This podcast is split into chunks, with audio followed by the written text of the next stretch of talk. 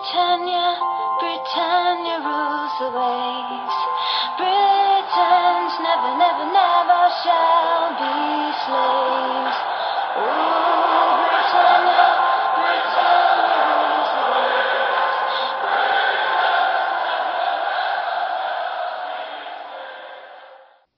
Hej och välkomna till avsnitt 190 utav Svenska FPL-podden. Vi står inför Game Week 10, spelar in på kanelbullens dag, dagen till ära, tisdagen den 4 oktober och det är eh, Europaspelsvecka men vi ska blicka framåt mot helgen. Agenda för dagens avsnitt, vi ska gå igenom våra byggen och eh, det ser bra ut kan vi säga. En riktigt fin Game Week för oss alla tre eh, med rejäla gröna pilar. Vi ska prata poddresan och eh, avslöja vinnaren eh, utav utlottningen av poddresa bland våra Patreons. Veckans punkter kommer den här veckan handla om benchbustläge i Game Week 10. Vad vi gör med våra City och Arsenal-tillgångar. Eh, lagen ångar på men vi vet att blanken står här för dörren inför Game Week 12. Och vi ska prata den galna norrmannen och hans eh, permakaptensstatus just nu. Vi kommer med veckans rekommendationer och möjligtvis världens kortaste kaptensdiskussion inför Game Week 10. Och så avslutar vi med era lyssnarfrågor. Och eh, det är mungipor uppåt i podden. Ehm, um, FPL-mässigt, fotbollsmässigt som United-supporter är det sådär. Men uh, Stefan som Arsenal-supporter så, så leker livet efter ett North London Derby förstår jag. Ja, nej, men både när både FPL-formen och eh, Premier League-formen för Arsenals del eh, hänger ihop så, och pekar åt, eh, uppåt, då är det svårt att inte ryckas med lite i, i liksom det positiva. Eh, så nej, det känns, eh, känns riktigt fint faktiskt. Ja, jag förstår det. Jag skulle bara, dock vilja påpeka att Arsenal fortfarande inte har vunnit mot ett enda lag som ligger före dem i tabellen. Eh, det är svårt när man leder, eh, men eh, ja, så är det. Ja, men härligt. Du Fredrik, ni torskar ju inte Liverpool, men fotbollsmässigt är det kanske inte lika mycket mungipor uppåt som det är i FBL för, för dig som Liverpool-supporter. Nej men så här är vattnet i glaset, eller glaset är det halvfullt eller halvtomt. Ska jag vara helt ärlig, City kommer att vinna ligan den här säsongen. Eh, det spelar ingen roll hur bra Arsenal kommer vara. Eh, jag har suttit i Stefan sitter nu, ett lag som spelar skitbra. Och så grattis, ni får komma tvåa. Man, man tröttnar på det ganska snabbt. Jag ser, ser vi bara till att lösa en topp 4 placering så, så får det vara vad det är. Eh, City var ett bra lag innan den här jävla Brauten kom in och nu, nu är det bara ett skämt. Liksom.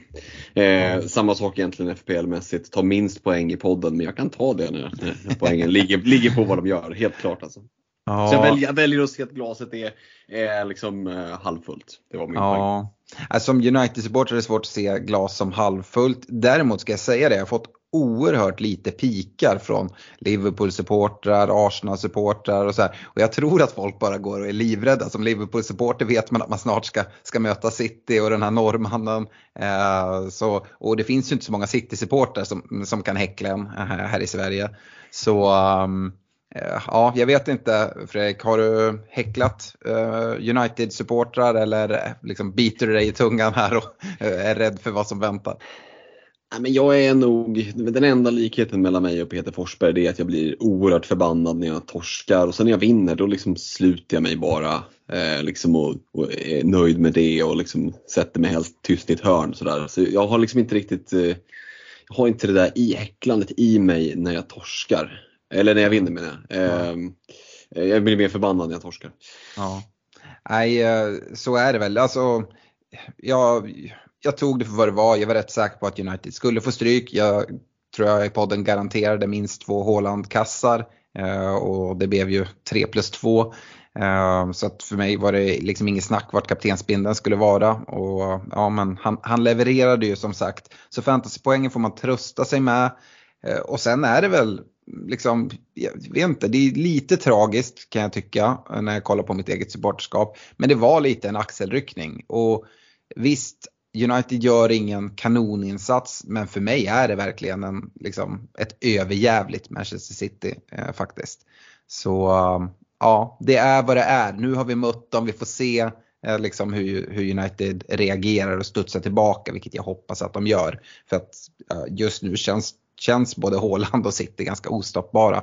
Um, kollar vi dock in i våra fantasybyggen så är det lättare att liksom gå in med en rejäl entusiasm. Och Stefan, du tar ju mest poäng utav oss alla.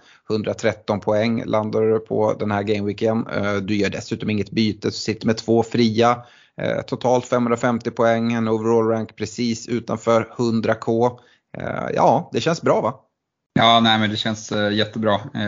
Det var väl inte optimalt men poängen blir ju superhöga på grund av att man har tre spelare i laget som är Haaland, Foden och Madison. Mm. Eh, sen, sen fanns det ju Mitrovic går sönder tidigt, eh, Pope tappar nollan på, på stopptid där. Men nej, supernöjd. Eh, och nu har man ju verkligen satt sig i en position eh, ja, men där, där man vill vara efter eh, Eh, ja, men det är efter nio omgångar, men det är åtta omgångar som har, har spelats då. Eh, en försvann ju där. Så nej, jättenöjd eh, med utgångsläget här.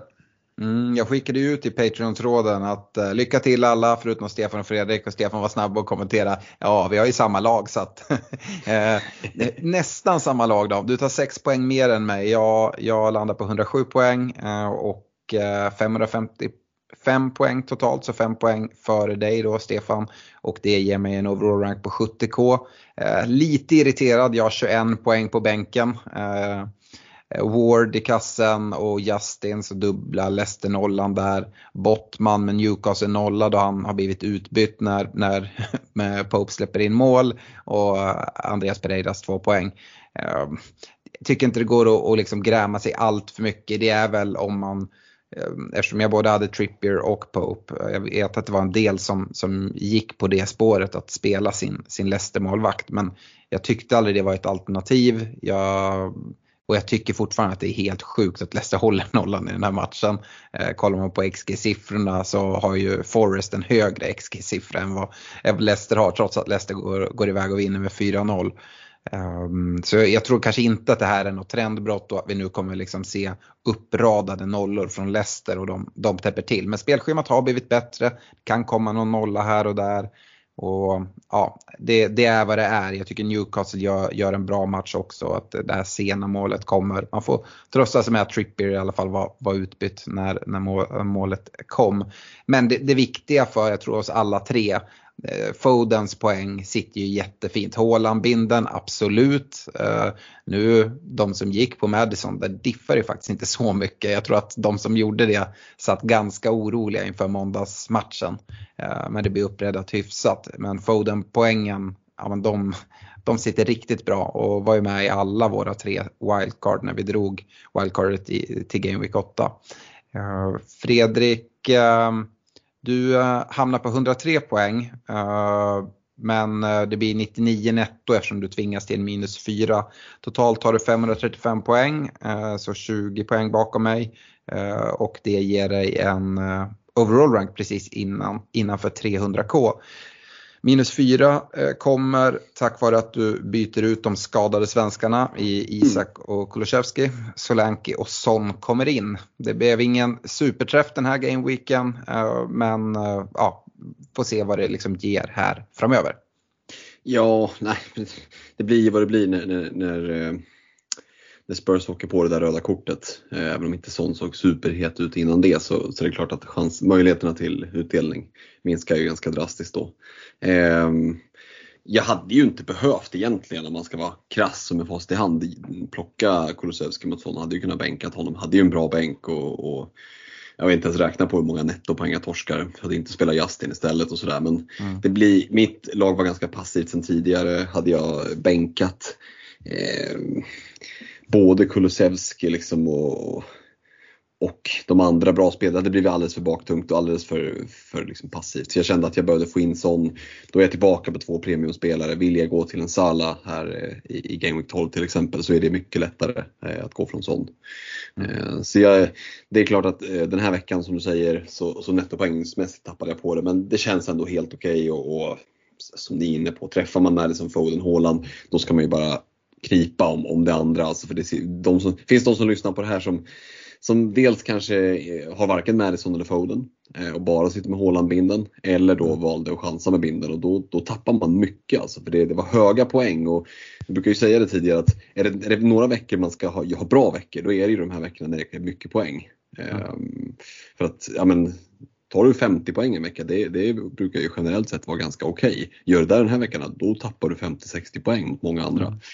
Mm. så att, nej, det, det är väl bara att, att bita ihop, bryta ihop och komma igen ni som inte plockade tresiffriga poäng eller där, där uppåt. Mm. Ja, och våra hjältar är ju de samma. Det är Haaland, Binden, mm. Fulton, Madison och Foden. Ja. Uh, så det är, det är de som gör gameweeken ja. kan, kan man lugnt säga. Um, ja, hur, hur tänker du då Fredrik? Uh, du gör ju två byten så sitter alltså med, med ett fritt byte mm. och vi har ju en, en flagga i alla våra tre byggen i en, i en Mitrovic. Jag och Stefan sitter kanske lite bättre till med, med två fria byten. Um, hur, såklart följer man ju det här nu vad som händer med, med Mitrovic, vad som händer ja, men en Europavecka som, som denna, om det kan, kan bli då mer flaggor eller, eller problem. Men har du, har du någon tanke här till, till, um, till eh, inför Game Week 10? Ja, absolut. Vi kommer ju komma in på eventuell benchboost eh, senare och det är klart att en osäker Mitrovic, det har jag ingen lust att gå in i ett benchboost med. Å andra sidan är jag inte heller jättesugen på att byta ut honom när han har förvisso West Ham borta nu 10 men sen mm. Bournemouth hemma, Villa hemma, Leeds borta, Everton hemma. Det är ett spelschema som eh, Mitrogol skulle kunna nyttja om han är tillbaka. Så att, eh, eh, det ska nog ändå ganska mycket till att jag ska byta ut honom. Är det så att han missar det här Game Week 10 och, och sen att han givet är tillbaka i, mot Bournemouth hemma då har jag svårt att se mig byta ut honom faktiskt. Eh, mm. Men väldigt svårt att dra ett benchboost då kanske? Ja, nej men precis. Det blir ju på bekostnad av att, man inte, att jag inte får göra det. Men alltså tar jag ut honom nu Eh, för att dra benchboost. Jag kommer ju vilja släppa in honom till Bournemouth hemma ändå. Så det, jag har ingen lust att byta fram och tillbaka mer än vad jag har gjort. Jag har redan ödslat alldeles för många byten. Så att, eh, det troliga är väl att han bara får övervintra på bänken om det är så att vi får besked om att skadan är väldigt lindrig. För är det så att han blir borta ett tag, ja, men då kommer jag inte tveka på att eh, nyttja mitt fria byte, plocka in någon där. Eh, och då ser ju benchboost-läget helt annorlunda ut. Mm, absolut. Uh, Stefan, hur, eh, hur resonerar du? Du sitter ju med två fria precis som jag. Ja, nej men jag är väldigt mycket inne i samma båt som Fredrik där. Jag, det, det, känns livsfarligt att byta ut uh, Mitrovic uh, och där får vi se hur mycket rapporter man kan fiska ja, men fiska upp inför, inför helgen och hur allvarlig den här skadan är. Eh, mm. Vi vet ju ungefär vad det eh, rör sig om. Jag har ju sett, eh, såg ju matchen live när han skadade sig, det var ju mot Sverige. Mm. Eh, så det är ju hälsenan där som, som spökar. Eh, och sen så har han ju spelat där så eventuellt förvärra skadan då. Eh, när han mm. spelade både mot, mot Norge och sen nu i, i ligan. Eh, så vi får se, men, men som sagt spelschemat därefter skrämmer ju om man sitter utan eh, och det, det vill jag inte göra. Eh, så, och jag har ju redan ett planerat byte mer eller mindre. Jag sa ska in i bygget. De har för bra matcher härifrån fram till VM. Och problemet är väl att jag hade ju tänkt byta Foden till, till Sa, men Foden gör ju ett litet case för sig kan man ju säga i den här gameweeken. Så det beslutet är ganska svårt att ta. Eh, och då finns det lite olika vägar eh, för mig. Eh, men, men, det lutar väl på åt att få in Sa istället för Gordon eh, på något sätt. Och eh, ja, men, eh, hur, man, hur man ska skramla pengar till, till ett sånt byte på bästa sätt. Eh, men med tanke på Mitrovic skada så tror jag benchboosten eh, ja, men hänger lite löst faktiskt. Mm, ja, man hatar ju inte heller som icke Perisic-ägare att se att han får starten här i Champions League och att det också kan påverka i att liksom, om man ska dra benchboost eller inte. Eh, ni sitter ju båda med honom till exempel. Det gör då, inte jag. Då har du, då kanske du inte har sett Contes presskonferens inför, inför Champions League. När han eh, sågade Doherty längs fotknölarna. Så jag tänker att där kände jag att ja, okay, Perisic eh, start eh, kan både vara på vänsterbacken och högerbacken framåt här. Det kan den absolut vara. Jag tror dock inte, alltså, eh, jag, jag, tror inte det, den kommentaren kring Doherty på något sätt betyder att han aldrig mer kommer spela i en Spurs-tröja. Ja, sen så vet vi det, det har han gjort tidigare. Eh, startade med Perisic um, ute på högen och startade Sessignon till vänster då. Um, skulle dock säga att Perisic kanske gör det bäst eh, uh, ute till vänster. Uh, och ja, ja, ja, vi får se. Jag, jag tycker det är intressant såklart. Se Conte, Doherty. Ehm, liksom mer eh, dagligen än vad, vad, en annan gör. Eh, jag tycker ju ändå att Doherty ändå, eh, ändå bidrar med någonting i, när, när han spelar. Så ja, vi, vi får se. Eh, du, eh, du ser det som helt omöjligt att Doherty eh, startar till helgen eller?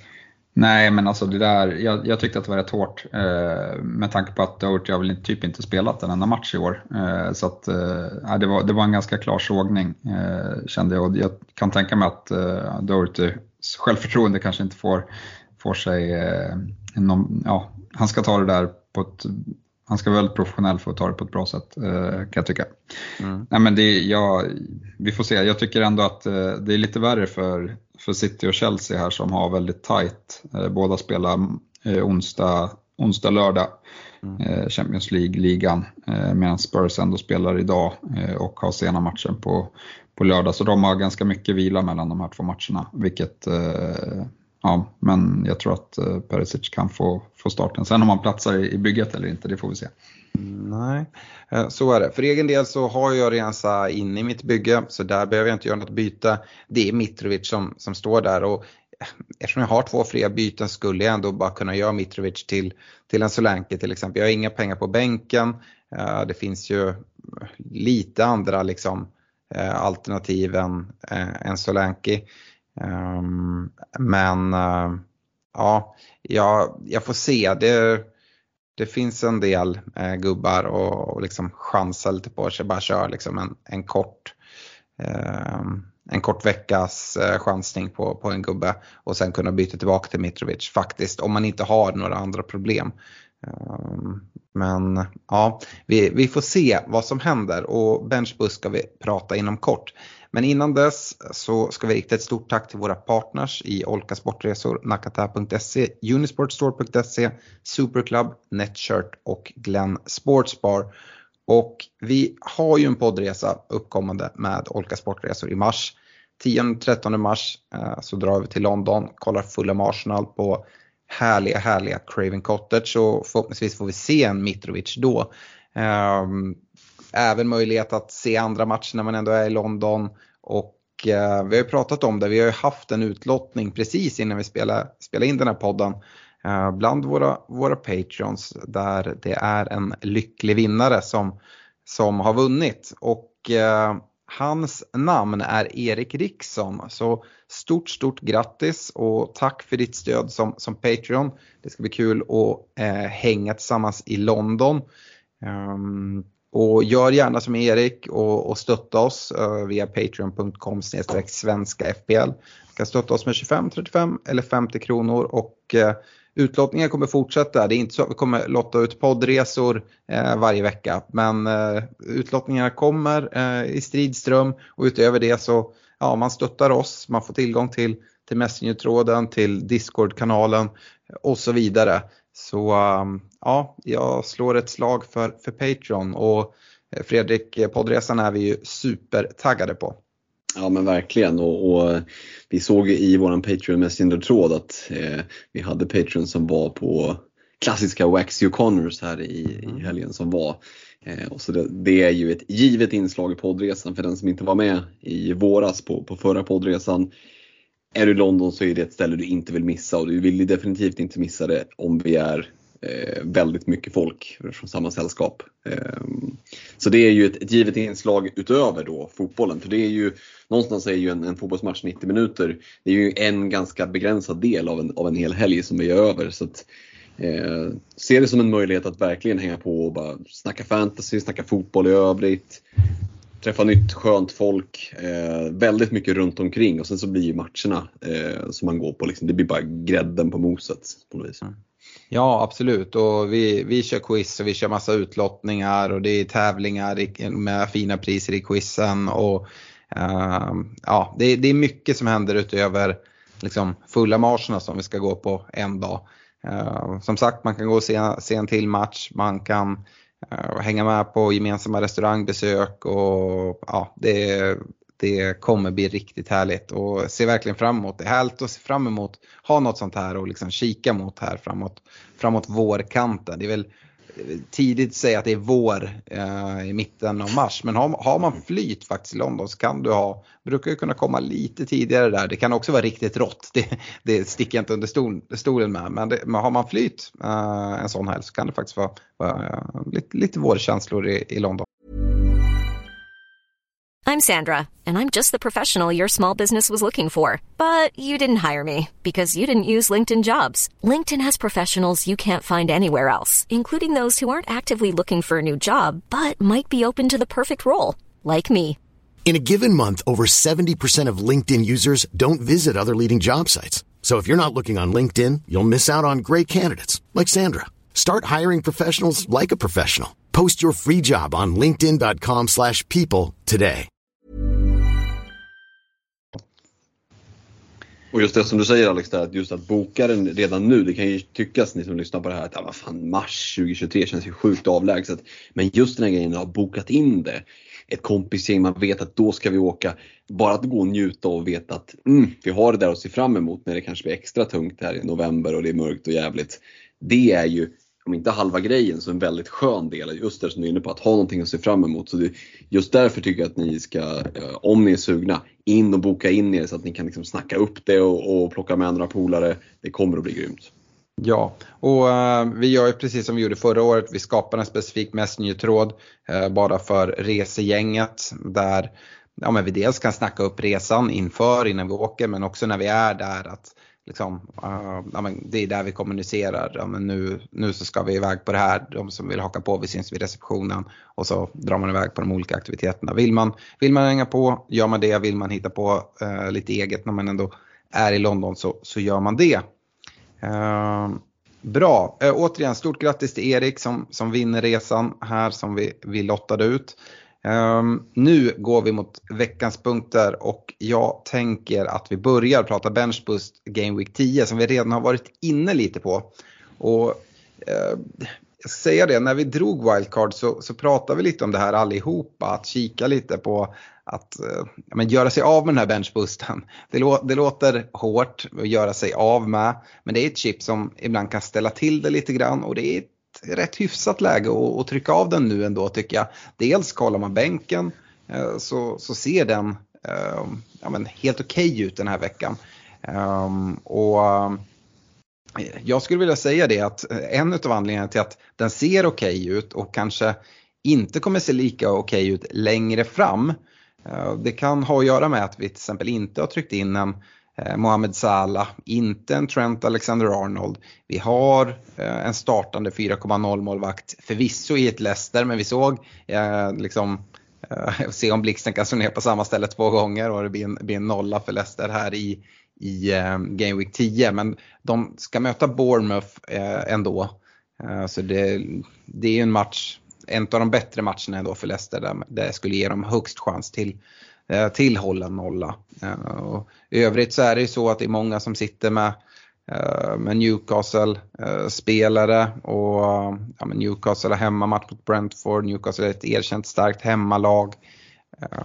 Så att det, jag tycker att det finns ganska, ganska goda anledningar till att kika mot det. Och är det så att man vill liksom spara på det så är det absolut inte fel och det är väldigt lagberoende. Kollar jag på mitt eget lag så, så gillar jag det. Förra säsongen tryckte jag av det i Game Week 1. Ganska skönt att få bort det. Uh, har många gånger tidigare sparat på det och velat dra det i en dubbelvecka. Grejen är att uh, även om det kommer stora dubbelveckor så uh, att få ihop ett lag med 15 dubbelspelare det kan vara ganska stökigt och ofta så kan det vara så att det är någon spelare som har singelmatch som man som man ändå vill ha i, i sitt bygge och inte vill släppa. Um, så ja, jag, jag, tycker det är lite stökigt. Det brukar kunna innebära en del minuspoäng både för att bygga upp laget inför en sån uh, double game week och sen kanske att det tar några minuspoäng för att sen gå därifrån om man behöver ha, ha en bättre bänk än vad man kanske behöver ha övrigt. Uh, så det är egentligen bakgrunden till varför jag kikar på att bara dra av den nu när jag ändå har en vettig bänk. Hade jag dragit den den här Game Weeken så hade jag alltså i, i Game Week 9 så hade jag suttit med eh, 21 poäng mer. Uh, nu var det aldrig riktigt aktuellt för mig. Jag vet att du Fredrik hade faktiskt kikat lite på att eventuellt dra den i nian. Mm, jag var ju inne på det. Eh, det som gjorde att jag eh, kickade ur det var ju egentligen statusen på Ward. Skulle han få stå eller skulle han gambla med Iversen? Mm. Jag vet inte om det var vi som såg hjärnspöken, vi som satt med Ward. För att Eh, det verkar kanske aldrig varit speciellt nära. Ehm, men eh, i och med att den matchen var på måndag, det var svårt att få ut någon info så kändes det liksom lite väl mycket gambling. Eh, nu tror jag efter den matchen som, som man gjorde och höll nollan där så, så känns det ju givet att han får fortsätta. Så att, eh, det känns inte som ett argument för att inte dra den i tian. Eh, så, men hade jag dragit hade jag haft 17 poäng extra. Så att, eh, jag menar, en benchboost som ger dig 15 poäng mer och uppåt, det får väl anses vara en bra. Eh, och du är inne på det just att bli av med det, det låter hemskt. Men just nu så har vi ju ändå liksom ett läge där många sitter med starka bänkar eh, och det är inte alls säkert. Alltså vi, vi, kan ju lite spela mot stupet här för vi vet att efter VM får vi fritt antal byten. Mm. Eh, och det gör också att du behöver inte tänka så långsiktigt. Efter VM sen, ja men då, då sätter man upp, alla sätter upp sina lag och sen har vi ett wildcard. Då måste man någonstans parera och tänka lite mer långsiktigt. Eh, och då kommer det vara svårare att bygga ett lag eller en trupp snarare, just för en specifik game week. För du kommer att vilja parera, du var inne på det, andra typer av double game weeks. Eh, sådär. Så det, det, det, finns mycket värt i att faktiskt eh, pricka in det och, och, och bli av med det nu. Mm. För mig handlar ju väldigt mycket om det ska bli en lyckad benchboost här att, att Leicester håller nollan då jag sitter dubbelt i Ward och, och Justin. Jag sitter dessutom trippelt Newcastle med, med Bottman, Trippier och Pope. Uh, skulle ge mig fan på att Tony ser till att göra en kasse. Men, men Newcastle är hemmastarka uh, defensivt. Så att uh, Alltså just nu lutar det nog åt ett benchboost för, för egen del. Jag tror jag är närmast, närmast utav oss tre, uh, lät det som. Uh, Stefan, hur, hur resonerar du? Du pratar ju lite om när vi pratar om våra byggen. Ja, nej, men det, du har ju Sa där. Eh, det mm. har ju inte vi. Eh, så det kanske är liksom det som, eh, som fäller avgörandet. Jag känner väl lite också som Andreas Pereira att visst, han kan väl dra in en frispark om han har tur, men, men hans chanser till assist om Mitrovic är borta ja, men går ju ner ganska drastiskt. Mm. Med hans fina, fina fot på fasta situationer. Men ja, jag ska inte helt utesluta det, eh, men jag tror, in, jag tror att, det, att eh, det kommer landa i något annat. Sen får vi se om det liksom faller väl ut för att mm, ja, men många som säger med sparet till en, till en double game week tror jag inte tänker riktigt på implikationerna med det här som att ja, men hur sannolikt det är att man får ihop eh, att hela startelvan eh, har dubbel, dubbelveckor för att eh, singelspelarna kan man ju alltid sätta på bänken och då ska ju de då ta mer än 15 eller 20 pinnar. Eh, och, och, hela den där planeringsbiten är eh, svår. Eh, men vi ska väl säga också att det, enligt Ben Krellin så kan det ju komma en rätt stor mm, double game week i början eh, efter VM där eh, i samband med fa Cup-spel. Eh, eh, eh, och är det så att vi har den infon redan eh, inför, vilket kanske inte är jättetroligt, då det är Boxing Day som är ja, men första omgången efter VM så har jag svårt att se att alla matcher som är i mitten av januari redan är kommunicerade eller slutet av januari. Men, men det skulle kunna vara så och eh, ja, men då kanske det är ett eh, läge att spara benchboosten till dess. Mm. Det enda som är stökigt som, som jag är inne på är som sagt att just nu eh, för oss som sitter utan Sala och Trent Eh, att det, man har liksom ganska mycket pengar på liksom att, att, röra sig och bygga upp dels en stark elva men även en, en rätt okej okay bänk. Um, och ja, jag vet att folk hånar liksom alternativ och, och går på Salla och sådär men jag har svårt att se att det ska stå sig hela säsongen. Jag har sagt det förut, jag säger det igen. Han har dessutom gjort liksom helt okej okay poäng hittills. Han kommer få den här vilan när eh, alla andra åker iväg på VM. Eller inte alla andra men, men väldigt många. Eh, och ja, jag, jag håller inte alls för omöjligt att Sala sitter i mitt bygge till Game Week 17 till exempel. Då kommer det vara, vara lite tajtare att få ihop liksom, eh, ett bra lag för att spela benchboost med. Så det är någonting jag ändå väger in i det. Så hade varit skönt att liksom rycka av det så behöver jag inte fundera på benchboost. Det räcker att ha de här uh, free hit och ytterligare wildcards och det kommer vara liksom mycket beslut att, att lösa ändå. Uh, så jag, jag hade nästan uppskattat att dra av den. Kan jag, hade jag kunnat få liksom en garanterad liksom 15 poäng så hade jag, hade jag nästan tagit det och bara bytt bort det här chipset egentligen. Um, så det är, väl, det är väl ungefär så jag resonerar. Eh, och sen har jag full respekt för dem, de som, som vill satsa på en, en stor double game week. Ehm, men eh, det kan kosta mer än vad det smakar. Och, ja, vi, vi får se. Sen är det här extremt lagberoende också. Det, det ska skjutas in. Man måste se till sitt lags förutsättningar för, för, eh, för en benchbust. Så är det. Det är väl inte så mycket mer att prata om där. Däremot så skulle jag vilja gå vidare och prata City och Arsenal-tillgångar och det är väl just nu de två bästa lagen i, i ligan får vi, får vi ändå säga. Och eh, vi vet att de har blank i Game Week 12. Eh, frågan är liksom hur, hur man löser Game Week 12. Eh, det, jag tycker inte det är aktuellt att spela någon, någon free hit och liksom sitta med spelarna hela vägen in. Eh, har man wildcard kvar, ja men då finns det ju lösningar att jobba med. Men eh, jag vill liksom inte släppa, du var inne på det Stefan, du sitter med, med Foden och hade en plan att ja, men, eh, han går att göra till, till Wilfred Zaha. Men eh, ja, nu är det, nu är det Southampton. Eh, då vill jag inte släppa Foden och det vill förmodligen inte du heller. Um, hur, hur tänker du kring, kring um, City och Arsenal-tillgångar? Du sitter ju precis, ja, men vi sitter ju likadant allihopa med, med fyra stycken sådana tillgångar i form av Cancelo, Foden, Haaland och Martinelli. Ja, nej men jag är väl rätt inne på att eh, Haaland och, eh, och Martinelli kommer jag övervintrar för att jag har så mycket prisuppgångar på de två. Eh, Foden och Cancelo eh, har jag också lite prisuppgångar på men inte i samma utsträckning. De är väl säljbara eh, just med tanke på att City har ja, Liverpool borta på Anfield i elvan. Eh, så känns det som att, ja men det är klart, kanske framförallt kring Cancelo där att, att det finns ett case där han tar låga poäng i elvan. Foden om Liverpool fortsätter se dåliga ut eh, defensivt har ju alla möjligheter att, att göra poäng även i den matchen. Men ja, det är väl de två som jag funderar på. Sen det finns ju också ett alternativ att, att spara alla fyra. Spela med tio mm. man i, i tolvan. För att kollar man på spelschemana efter tolvan så vill man ha tillbaka de här spelarna.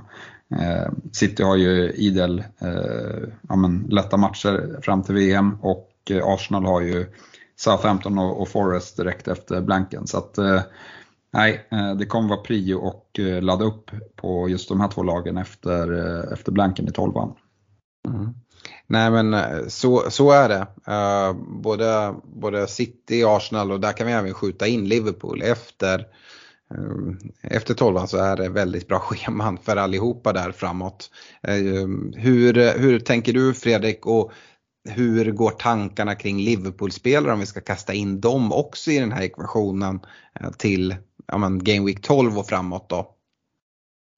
Ja, de har ju lite att bevisa för att vara aktuella för de prislapparna eh, mm. eh, och, och brösta upp dem. Så, eh, framförallt Trent känns väldigt avlägsen för mig just nu.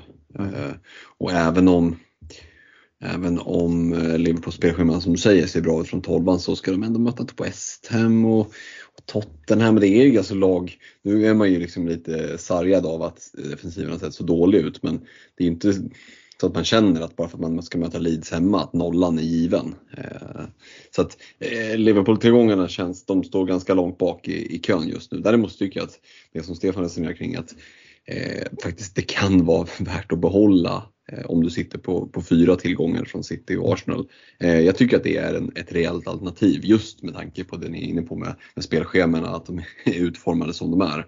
Ehm, Foden är ju en sån där liksom, man tycker lite lyxspelare att ha men vad fan, vi ser ju vilken potential han har. Och, eh, ja, jag har ju svårt att släppa honom nu, då ligger det nästan närmare till hans att göra Cancelo till, till någon annan faktiskt. Eh, för att få fullt lag i, eh, i tolvan. Men eh, kan mycket väl tänka mig att spela 10 man. Som sagt, det, det tycker jag eh, liksom inte att man ska stressa upp sig över. Åh, jag har bara 10 gubbar. Ja, ja visst, du har det. Men du kommer fortfarande sitta jäkligt bra laddad då inför Game Week 13.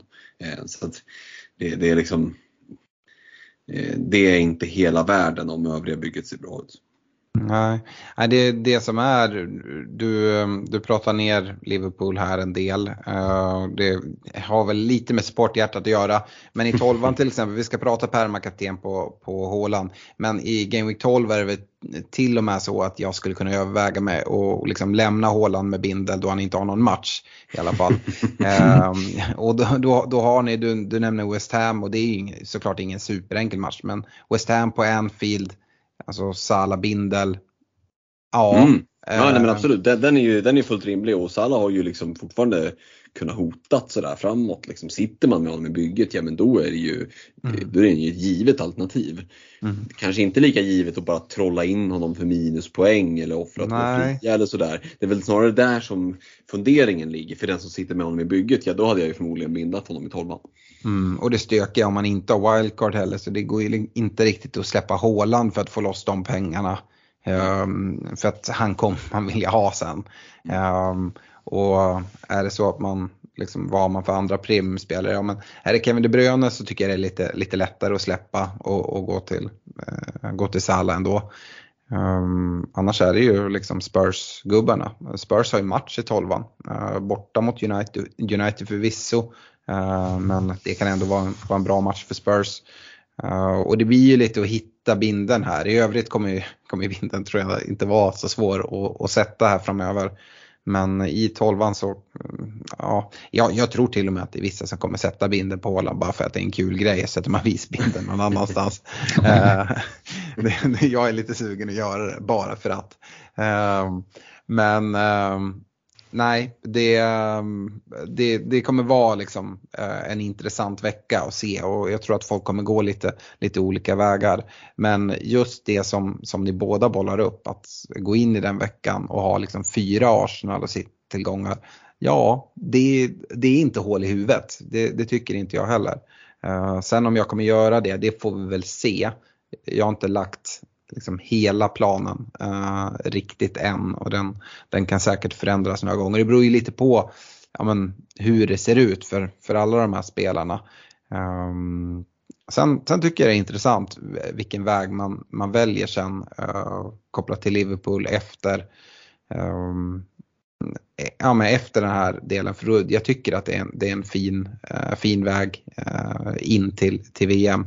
Ehm, det är Spurs borta egentligen. Eh, jag tycker West Ham hemma är en rätt okej okay match men liksom offensivt sen i 13, Forest borta och offensivt Leeds hemma i 14 och Southampton hemma i 16. Ja, alltså gå helt utan Liverpool där, det vet jag inte. Sen så kan det vara ett fullgott alternativ att om jag ändå bara sätter binden på, på Håland att uh, gå på en Luis Diaz eller något sånt på mittfält för att inte lägga de där pengarna på Salah. Ja, det kanske det är, men att sitta helt ren Oh, ah, jag vet inte. Um, det är väl i alla fall så jag känner spontant just nu. Um, näst, nästa punkt är ju egentligen permakapten på Håland och det går ju ihop lite i det. Och liksom med, med vad vi vet idag så ja, jag, jag är nog där. Uh, det är Game Week 12 som sagt och jag skulle kunna överväga att sätta binden någon annanstans när ni inte har match.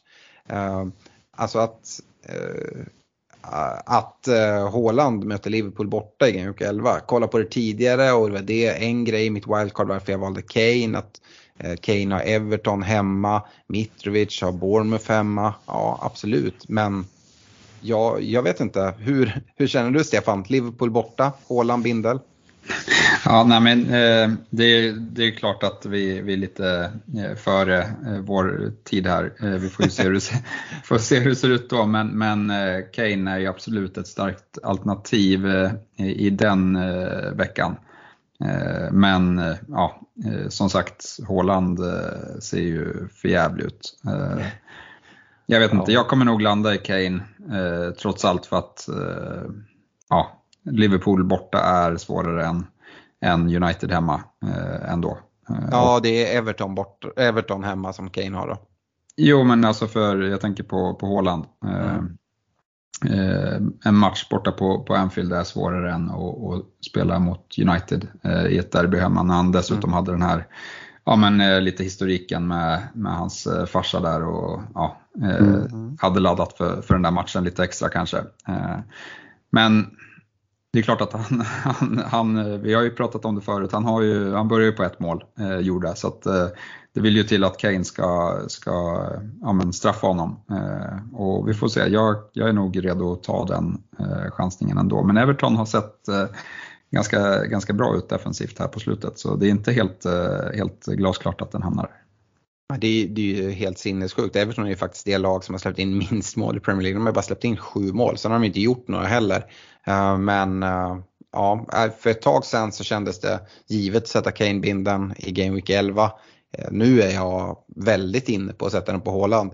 Jag vet inte vad du säger Fredrik, men ni har inte superimponerat defensivt kan man säga. Nej, men alltså för mig är ju Håland-binden given.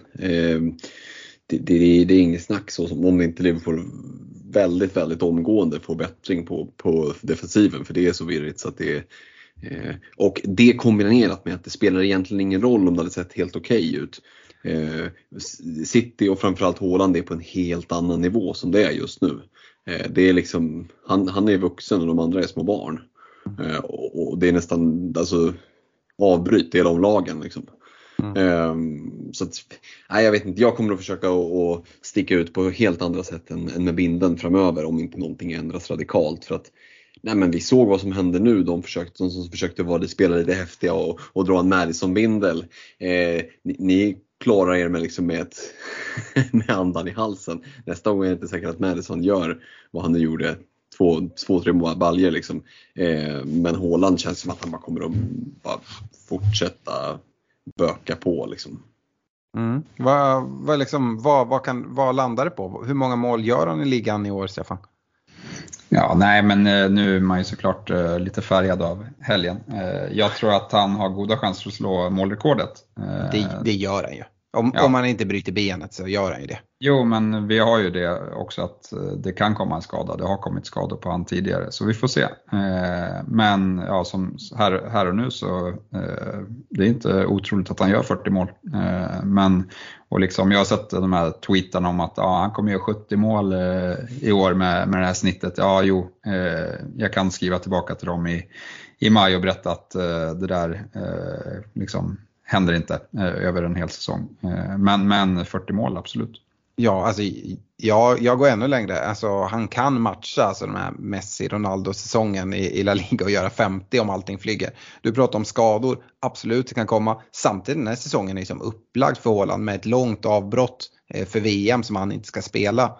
Uh, så ja, sen, sen får vi se. Det kan fortfarande komma skador eh, mot våren. Det kan dessutom komma en del rotationer. Ligan mer eller mindre klar även om vi säger att den redan är det. Eh, och de har gått långt i Europaspelet och det blir fullt fokus Champions League så han kommer inte spela lika mycket då. Eh, men eh, jag, jag ser inte att liksom taket ligger på 40. Det, det ser jag inte. Hur, hur, hur, hur tänker du Fredrik? Nej men det finns inget tak. Det, det, blir, det blir nästan bara att vi ska sitta och prata tak. Det, eh, om det fanns tak innan då har han liksom sprängt dem redan. Eh, sen tror inte jag heller som Stefan han kommer göra 70 mål och fortsätta likadant som han gör nu. Det är klart att han inte kommer göra det. Men det är på en nivå där vi liksom sitter och, vi, ju, vi som gillar och älskar Premier League har ju liksom sagt att ja, men det är inte La Liga, hit kan du inte bara komma och lalla runt. Liksom. Det, är, det är inte Holland, det är inte Spanien. Nej men nu det här är Håland och, och han, han, är, han är på en annan nivå än vad övriga ligan är. Eh, visst, har, visst har han gjort 14? Eh, oj, ja, du ser man har ju liksom redan tappat räkningen. jag, tror han, jag, jag, tror han har gjort 14 på 8 matcher nu. Um, vilket är helt galet. Och, och han kommer inte göra hattrick i, i varje match och så. Men att han har gjort 14 på 8 matcher, det man ska ha med sig i det, Alltså kollar du tillbaka på de här matcherna, det är inte så att han har haft 100% i utdelning, att allt går in heller. Alltså det, det, hade kunnat varit 16, det hade kunnat varit 17, 18. Det hade inte varit konstigt. Uh, så att uh, jag, jag tycker det är helt galet. Nu stannade vi upp här i vad han kan hamna målmässigt. Men kaptensmässigt stannar vi också upp lite vid Game Week 11. För det är väl där liksom det finns någon diskussion. Annars, ja men Game Week 13 då har han Brighton hemma på Etihad.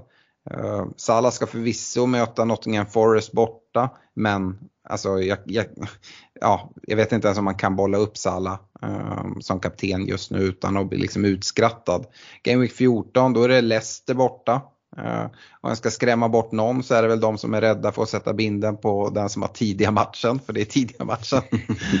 Salah har också bra match, uh, Leeds hemma, men det är samma där som egentligen Game Week 13. Game Week 15, ja men då, då är det hemma mot Fulham för Håland, samtidigt som då Tottenham Liverpool möter varandra. Och Game Week 16 så är det Brentford hemma, också tidiga matchen vill jag dock skjuta in. Um, ja, Stefan, du, du pratade Game Week 11 i alla fall att ja, det är inte helt säkert att det blir Haaland borta på Anfield. Men kollar man därefter.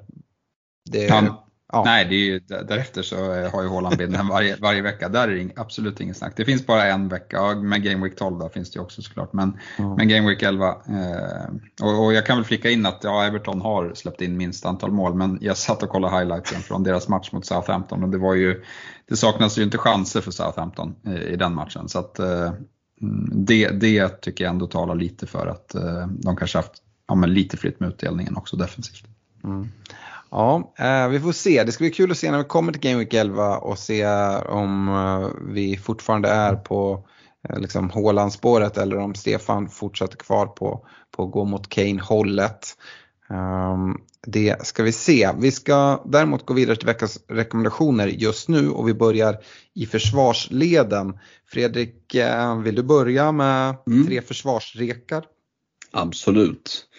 Eh, och jag tycker inte att det går att börja någon annanstans än på Kieran Trippier. Eh, för mig är det liksom, sitter du på ett, på ett WC eller du funderar på att göra, måste göra ett byte i försvarslinjen. Nej, jag tycker att han är oerhört fin alltså. Returns i vadå, 6 av 9 matcher. Eh, så att nej, det, det är ju en, eh, en helt lysande FPL-spelare som är, ja, men tar fasta, vass fot framåt. Eh, och har ett, ett, ett, fint schema blandat sådär. Men det finns ju Brentford hemma, Everton hemma, Villa hemma, eh, Southampton borta. Det finns bra matcher med, med chans på nollor och jag ser ju att han har en chans att få liksom offensiv utdelning även om de möter United och Tottenham borta. Så, så Trippier känns given. Eh, tycker att eh, James Justin eh, gör ett bra case för sig. Spelar 90 minuter vecka ut vecka in. Eh, Leicester som jag har varit lite tveksam till, de är fortfarande inte så att de är liksom på säker mark i, i, min värld så, men de gjorde i alla fall ett case för sig här resultatmässigt senast och de kliver in i ett kanonspelschema. Eh, James Justin 4,3, där snackar vi möjliggörare för den som Eh, behöver få in stålar i ett dubbelbyte till exempel eh, om man nedgraderar en, en försvarare. Så att Justin kommer också med och sen så vill jag slänga in någonting som är lite mer oväntat för någonstans är det så att Trippier och Justin, det hade väl folk kunnat räknat ut med baksidan av en krita att de skulle komma med. Men jag vill slänga med en Aaron Cresswell som tredje rek. Eh, tycker att här har spelschemat vänt. Eh, ganska skral utdelning eh, för Cresswell hittills men vi vet historiskt sett att eh, ja, men det finns eh, det finns eh, en vass vänsterfot som kan leverera assist. Kommer de igång lite här framåt nu också, Bowen kommer igång och, och anfallarna kliver igång så är det fina matcher. Det är Fulham hemma nu, Southampton borta, Liverpool borta. Vi får väl bedöma som en åtminstone inte lika tuff match som vanligt och så är det Bournemouth och sådär. Så att jag tycker att eh, Aaron Cresswell kan vara en liten smygare för 4,8 också. Så att Trippier, Justin och Cresswell blir det. Mm. För egen del gillar jag också James Justin och då vill jag dela upp det i två rekar. James, Reece James och eh, Justin. Eh, Reece James, ja jag vet att det är många som har tröttnat på, på Karn. Eh, och det, det, var länge sedan, senast det blev eh, utdelning var i Game Week 4 mot Leicester. Han missar ju Game Week 5 mot Southampton och sen så blev det en poäng mot West Ham i sexan. Eh, ha, hade ingen match i varken eh, sjuan eller åttan och nu eh, i, i Game Week 9 blev det bara två poäng mot eh, Crystal Palace. Så, um, men jag säger fortfarande det, alltså jag känner mig så trygg i, i den här reken och eh, under Potter eh, att eh, Reece James kommer, kommer leverera. Fint spelschema på Chelsea hela vägen fram nu till VM. Och för mig ska han absolut ingenstans. Jag vet att många redan sitter med honom. Han har en hög TSB. Men jag vet också att folk börjar tröttna så att reken kanske lite handlar om att det är inte läge att lämna Reece James just nu. Eh, jag tycker inte det. Och det är också dels för att jag inte ser att det finns supermycket försvarare som jag vill gå till. Eh, James Justin har du redan pratat om. Fredrik, du och jag gick på honom i, i vårt WC. Stefan mm. valde Kastanj, uh, vilket ja, man, gav fina poäng den här gameweeken till exempel. Uh, men uh, jag, gillar också Justin så han är med. Uh, sen så vill jag in i, i Crystal Palace fina spelschema. Vi pratar Wilfred Zaha. Uh, nu missade ju uh, Andersen um, matchen här senast på grund av skada och är osäker inför tian. Eh, jag hoppas att vi ska få ett klartecken där. Eh, för 4,5 tycker jag att det är en väldigt fin spelare. Eh, som har ehm, ja, goda chanser till bonuspoäng och med Pallas spelschema så borde det kunna, kunna trilla in en del nollor. Ehm, är det så att vi liksom inte får något klartecken på Andersen så ja, men, eh, Gay eller Guay för 4,3 är ju ett bra alternativ. Billig spelare. Vi har ju svårt att hitta 4,0 försvarare nu. Ja, men då kanske man får gå upp till liksom 4,3 nivån där ja, men Justin och Guay äh, finns. Um, men äh, är det så, får klartecken på Andersen tycker jag att det är värt att liksom försöka hitta de här 0-2. Äh, få, få, få in honom. Så ja, James Justin och Andersen det är mina tre försvarslekar. Mm. Stefan, vad, vad säger du?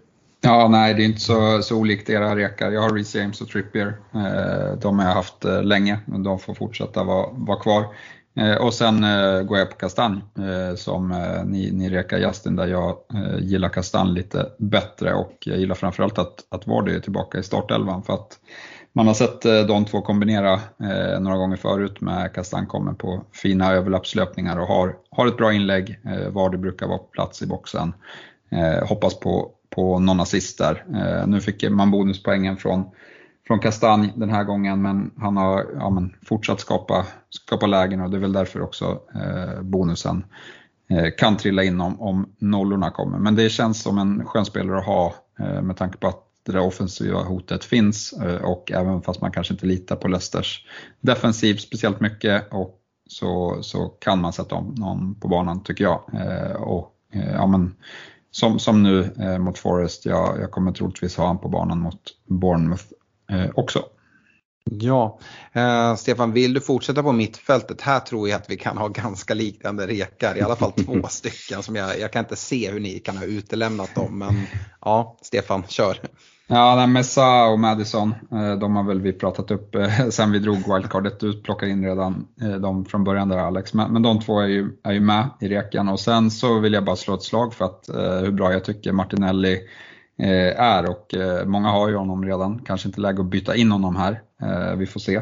Men nu ska han möta Trent Alexander-Arnold och vi såg ju vad Trossard gjorde från, från den kanten. Jag tycker Martinelli har sett Eh, superfin ut hela, hela säsongen. Eh, var bra i North London Derby, eh, kom iväg med en assist. Men, men Reken är väl lite mer liksom tiltad till att behålla honom här trots blanken.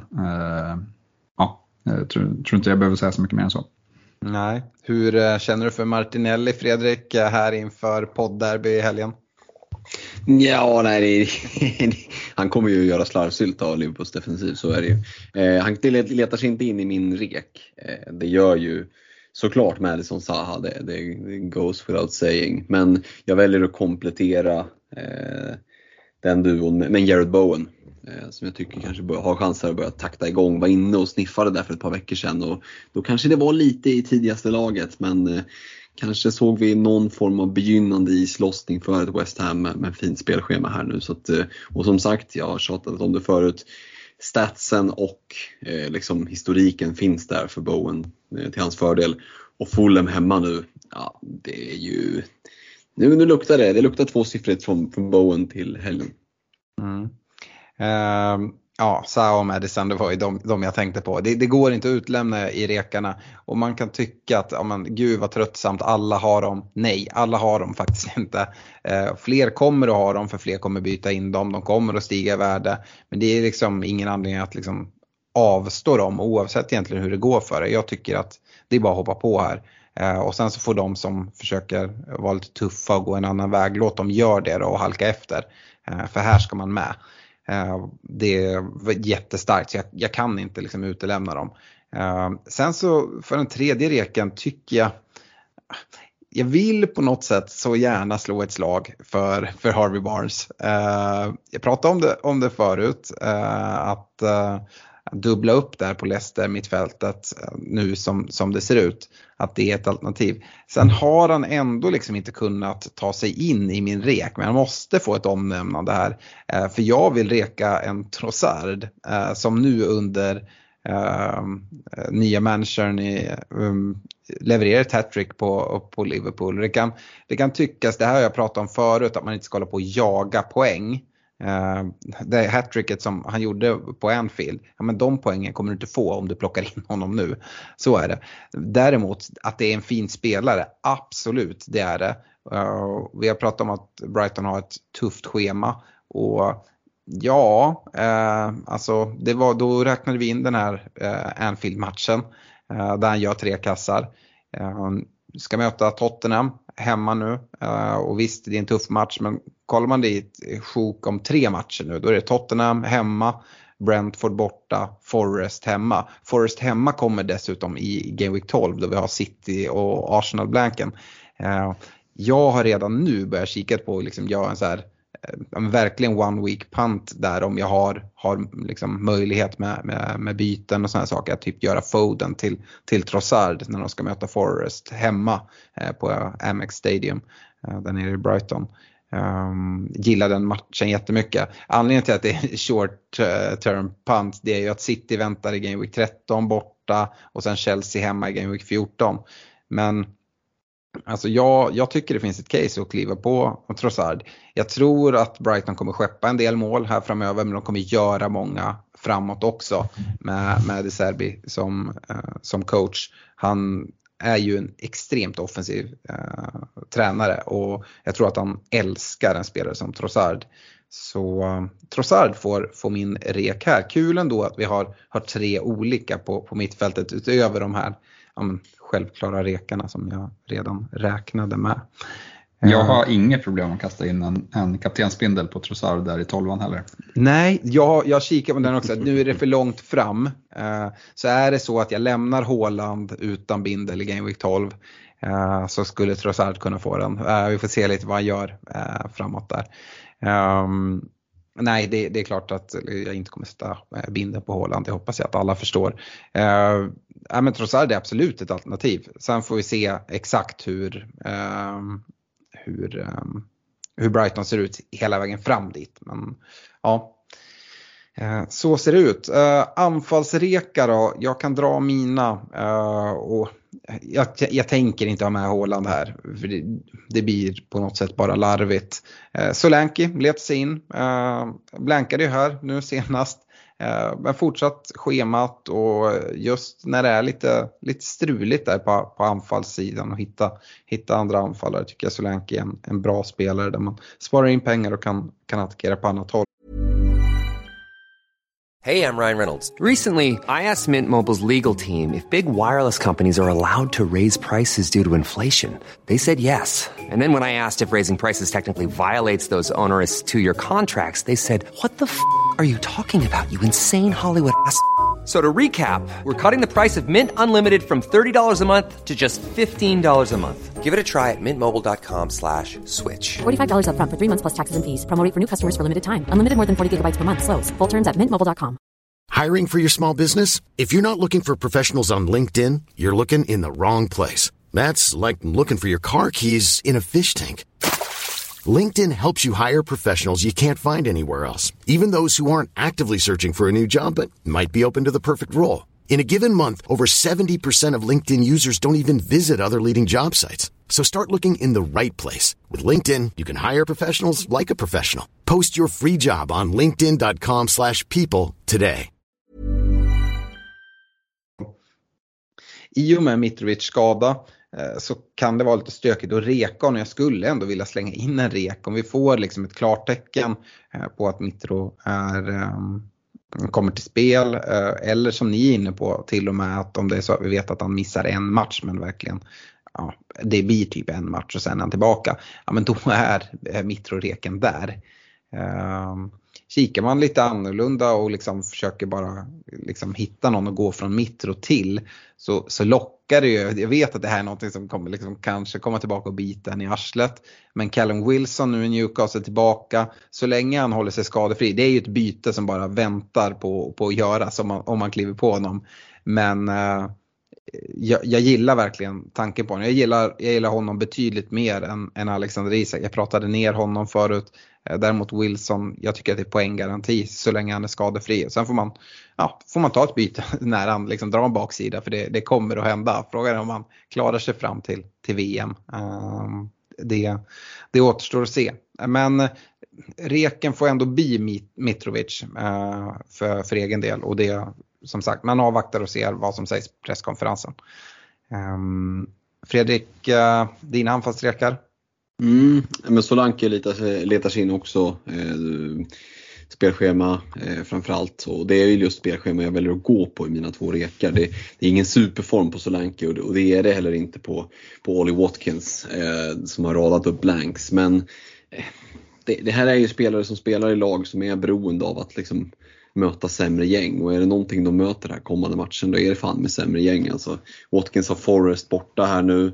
Eh, förvisso Chelsea i 11 men Fulham borta i 12 Brentford hemma i 13. Så tre av de kommande fyra är ju fina matcher. Ska han göra några mål den här säsongen, ja då är det fan med i Game Week 10, 12 och 13. Eh, det skulle kunna vara en, en möjlig ersättare för, för Mitrovic om det visar sig att han blir borta ett tag.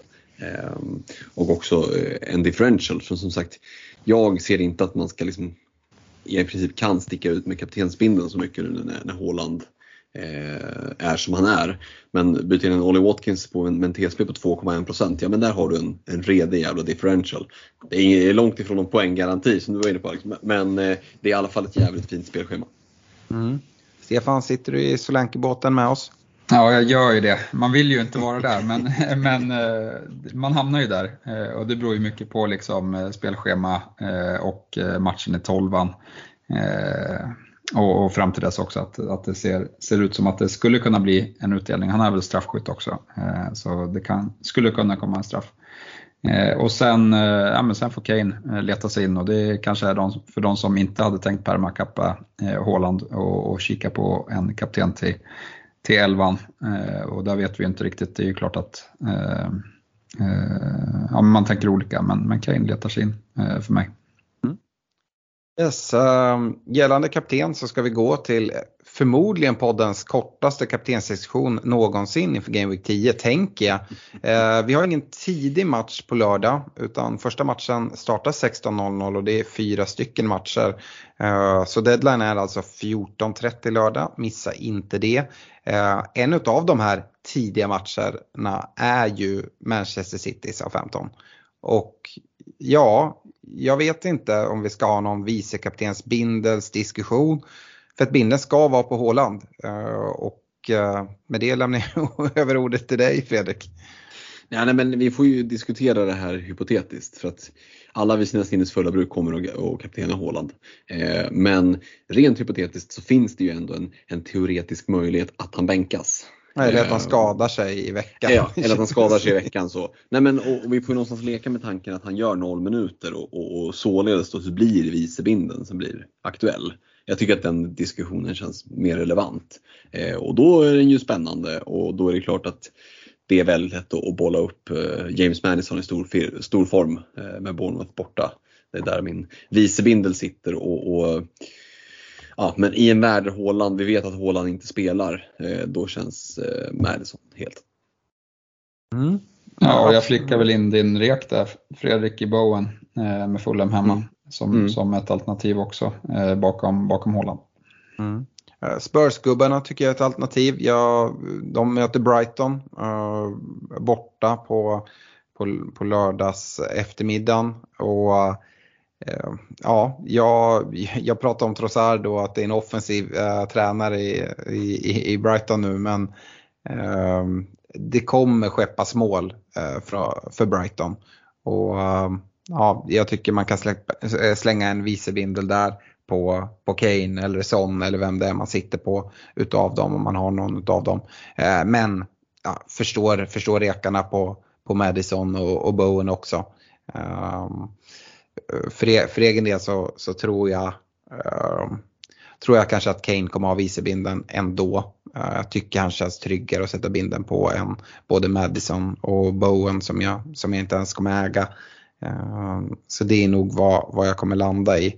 Men som sagt, jag tycker också att man kan stanna upp vid, vid den här Haaland-grejen. Jag har sett folk som sätter binden på, på en Kevin De Bruyne uh, liksom den här veckan och tidigare veckor och så.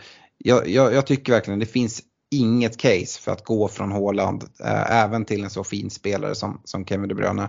Um, Stefan, uh, är, du, är du med mig här? Nej, men ska, ska De Bruyne få sin assist, då är det ju Haaland som gör målen. Så att, eh, nej, jag förstår inte. Då tappar man ju en poäng per, per gjort mål där då. Eh, så nej, eh, jag, jag är helt i Haaland-båten. Mm. Uh, ja, Fredrik, vi, ska vi gå vidare till lyssnarfrågor eller? Ja, men det, det, gör vi. Vi, skickar, vi gör väl det sista med att skicka ett tänk ett extra varv på vem du i alla fall sätter vicebinden på. Uh, för det kommer aldrig vara så intressant som, som den här gången. Nej, så är det. Uh, vi går till lyssnarfrågorna. Uh, det har kommit in en hel del. Bland annat har det kommit in från Timmy Bergström. Uh, Stefan han undrar om man ska tro på Mason Mount. Han sitter idag på ett mittfält med Zaha, Martinelli, Gross, Madison utöver Mount då. Uh, alternativt då undrar han om man ska ta in Bowen eller Foden och, och nedgradera typ Mitrovic till en Solanke eller motsvarande. Ja, nej, jag tror inte speciellt mycket på Mount. Jag, jag, tycker inte att han har bevisat tillräckligt här eh, och det kommer säkert ta tid för Potter och eh, sätta sitt spel eh, i Chelsea. Eh, så för mig är han avvakta. Jag tycker att det finns bättre alternativ och han flaggar ju upp Bowen eh, som ett möjligt alternativ där. Det, det, kan jag backa. Han har ju redan Sa och Madison i bygget vad jag hörde. Mm. Och det är väl de två viktiga, viktigaste annars tycker jag. Mm. Foden hade jag nog inte bytt in här med tanke på blanken i 12 Nej, det hade inte jag heller. Um, det känns, bytena är värdefulla nu så att det, det hade jag inte gjort. Uh, Fredrik, uh, Anders Lussi, han har en tanke, jag tror du pratade lite om det här tidigare men det är inte aktuellt för dig längre. Och det, ja. Eh, men han har i alla fall en tanke på att försöka hålla ut till sista omgången innan VM och köra wildcard som ett free hit. Eh, han mm. tycker att det är många fina matcher då och undrar liksom fördelar och nackdelar. Det är såklart väldigt lagberoende men eh, ja, hur ser du på det? Det är ju fortfarande spännande. Har man lyckats navigera sig igenom det här och tror att man klarar tolvan och, och kan lösa det utan att skadorna blir alltför stora Eh, och det är ju svårt att bedöma redan nu, det är det som är det luriga. Liksom. Eh, men jag tycker ju fortfarande att det är en spännande tanke för att du skapar dig själv ett extra free hit, eh, vilket är ett väldigt starkt chip. Liksom. Eh, och Speciellt då om vi ser att Liverpool har en väldigt fin match. Eh, tripplar du upp i Liverpool så kommer du sitta det folk kommer ha svårt att hunnit få in liksom tre tunga Liverpool-tillgångar eh, som ett exempel. Eh, United har en match mot Fulham, där skulle du kunna verkligen chansa lite.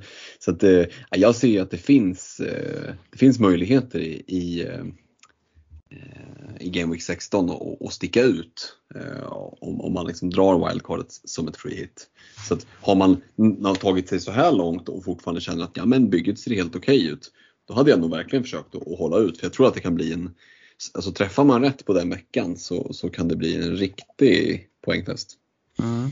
Uh, han, han fråg, efterfrågar fördelar och nackdelar. Jag skulle vilja säga det att absolut free hit är ett starkt chip. Däremot är wildcard ett ännu starkare chip.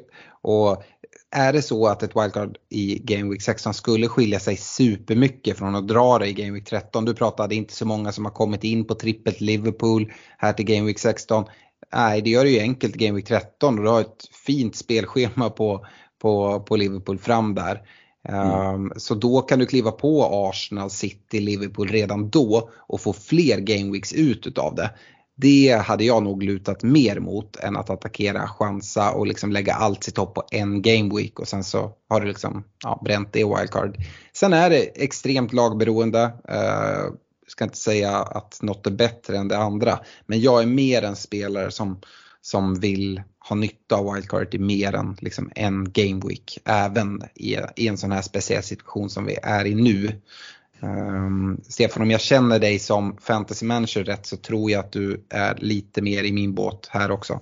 Ja, nej, men jag kollar ju på spelschemana på de lagen som du nämner där med, med mm. City, Liverpool och Arsenal och det ser ju för jäkla bra ut att dra det i Game Week 13 eh, om man har det kvar. Eh, och det var ju det jag kikade på om jag inte skulle dragit det i åttan, men nu är jag ju sjukt nöjd att jag drog det i åttan. för det, annars hade man inte suttit med de här 113 pinnarna eh, nu. Eh, så att, eh, ja, nej, jag tycker att det är läge i 13. Mm. Jo, och som sagt, vi, vi drog det i åttan. Vi fick väl en helt okej okay Game Week 8 med gröna pilar. Men vi fick ju den liksom riktigt fina utdelningen nu i Game Week 9. Och det är väl det jag menar också, att dra wildcard då i Game Week eh, Game Week 16 och så faller det inte riktigt väl ut. Drar man det i 13, ja, men då har man liksom några fler möjligheter att liksom, eh, tugga i sig liksom, fördelarna med, med sitt wildcard som man har byggt då för, för väldigt kort tid. Så det blir liksom som ett utdraget free hit. Det blir ett free hit som du använder i, i några få omgångar, inte bara en game week. Uh, yes. Uh, Henrik Jonsson, han letar efter bästa ersättare till utvisade Emerson Royal i Spurs för max 5,1. Spelaren måste ha match i Game Week 12 och han har redan Cancelo, Reece James, Trippier och Justin, uh, Stefan. Jaha, han hade Justin, då, då kanske han inte ska byta in kastanj. Men hade han Andersen? Nej, ingen Pallas försvarare. Nej, där skulle man ju, dit skulle man kunna kika eh, för en billig väg eh, in. Det är, väl, det är väl min favorit eh, där. Och sen får man ju såklart, han får ju följa nyhetsrapporteringen eh, där kring Andersens skada. Eh, men jag var faktiskt inne för jag har kikat lite på Eduard i, i Pallas som en eventuellt eh, pant. Mm. Och då var jag inne och, och scoutade lite Pallas forum och då lyckades jag läsa mig till att Guay där var fick en smäll på fotleden i matchen senast och var riktigt eh, hårt tejpad tydligen så att eh, han kanske inte heller är helt eh, 100% till eh, Leeds-matchen. Nej, man får, får följa den. Eh, det är inte säkert att man, man behöver han för den här omgången oavsett om det är Andersen eller Gray i det här fallet. Om jag hör hans, hans backlinje med Cancelo, James Trippier, Justin eh, så kanske han inte behöver ha just den här backen nu. Men det var viktigt att han spelar Game Week 12 och då, då är det väl jätte, ett jättebra alternativ att gå mot, mot Pallas. Um, ehm, Joakim Robin Almqvist, han är också och letar efter en försvarare utöver de vanliga, skriver han innan, innanför citationstecken. Och de vanliga då har han inkluderat Trent. Uh, så jag vet inte, men Trent, Trippier, James Cancelo med mera som är ett bra val från nu fram till VM. Han sitter kvar med Big at the back låter det som. Eh, och då nämns det ju inte någon Leicester-försvarare så då tycker jag absolut att man kan, kan slå ett slag för, för våra rekar. Jag och Fredrik rekar eh, Justin, eh, Stefan gillar Kastanjemannen något mer. Så ja, jag tycker båda är, båda är bra alternativ. Och så ja, har vi Palace där också beroende på. Man får väl kolla lite, är det så att man ska ta in Eh, en mer eh, utöver de här gubbarna så, så får man kolla lite vilken match man egentligen kommer behöva dem och se. Är det bättre att ha en Palace-försvarare eller är det bättre att ha en Leicester-försvarare och, och lite sådär. Eh, bra. Eh, ja Fredrik, Jon Dahlström eh, letar en ersättare för Trent. Eh, och ja, vill väl ha svar på den frågan. Men han sitter även med Sterling och undrar om man ska sitta kvar eller göra något byte där. Ja, men lek med tanken att man sitter på två fria så, och kan det gå att göra så nedgraderar du Trent till, till men vi var inne på någon av eh, spelarna som, som kostar runt 4,5 då lösgör du ju 2,5 millar, 2,5 millar på, eh, på, på, på Sterling. Det är ju möjlighet att kliva upp på ja, en Jominsson till exempel eller Ja, det, det ger ju helt andra möjligheter och även om det inte är just Sterling du plockar ut den här veckan så kan det ge möjligheter att uppgradera någon annan mittfältare rejält. För där tycker jag att det finns, vi var inne på ett par stycken som är eh, essentials att ha och man kanske inte har någon bra väg in, kanske vägen in är eh, Andreas Pereira eller så att man vill byta ut och kan det då lösgöra bra mycket pengar genom att nedgradera Trent. Eh, för alltså Sterling är ju en fin differential, alltså är det någon framåt i, i eh, i Chelsea som, man, som är lite så här småsugen på så är det ju ändå Sterling. Han, det, vi har ju varit inne på att hans prispunkt är ju, gör ju honom nästan till omöjlig att få in men om man väl lyckats få in honom så, så hade jag liksom inte tokstressat ut honom. Eh, jag tycker inte att det är fel att, att downgrada honom eh, också till, till någon av de midprice mittfältarna vi har pratat om tidigare. Men eh, går det att hitta en annan väg där man till exempel då kliver upp från Andreas Pereira, då, då är det en spännande differential, för det, för det är det verkligen ändå. Mm. Uh, vi har, det kommer jättemycket frågor om eh, uh, Saha och Madison. Ehm, uh, jag, ja, jag vet inte hur vi ska bunta ihop de här riktigt, men Stefan, eh, David Gustafsson i alla fall, han, han ska byta in i mittfältare, har 9,0 att köpa för och planen har hela tiden varit att gå på Saha. Men eh, han har inte Madison heller och efter Madisons uppvisning ändå så eh, börjar han fundera på om man inte ska plocka honom istället här först. Jag tycker man ska ha båda men ja, det beror på hur ens bygge ser ut och, och vad man ska kliva. Så om man ställer dem mot varandra, Sa och Madison, vem tycker du liksom man ska prioritera och plocka in i ett första skede? Jag hade gått på Madison först. Eh, det hade jag. Eh, jag tycker att han Eh, Eh, har sett extremt fint, fin ut hela säsongen. Eh, och ja, men jag tror att man har mycket liksom, bättre chans att få bonus från, från Madison versus Sa också. Men, men jag är ju absolut i den båten att, att man bör ha båda. Men om man ska prioritera en så hade jag prioriterat Madison. Mm. Eh, Fredrik Josef Tornell är också lite så här inne på, på mittfältar. Det, det här är ju dina rekar. Han nämner Saha, Bowen, Madison.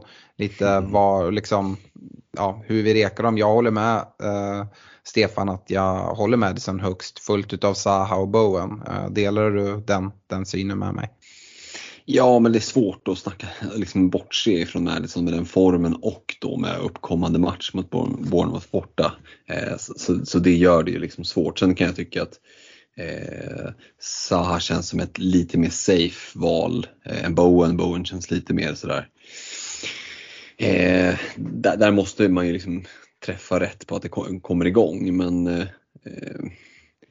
jag tycker nog att det är ganska jämnt skägg mellan de två ändå. Så att Madison först och så får de andra komma på delad plats bakom. Mm. Gustav Eriksson ska ta in Saha och undrar om han ska ta ut Martinelli eller Ward Prowse. Uh, Martinelli är med i din rek Stefan. Samtidigt så har han ju ingen match i Game Week 12 så lite beroende på hur, hur ens bygge ser ut så kanske det är så att Martinelli måste gå. Men jag, jag tycker så här, just när han ställer det mot Ward Prowse kan jag nästan tycka att ja, men då, då kan man nästan plocka Ward Prowse och, och, och trycka in Saha. för Martinelli sitter man ganska fint med.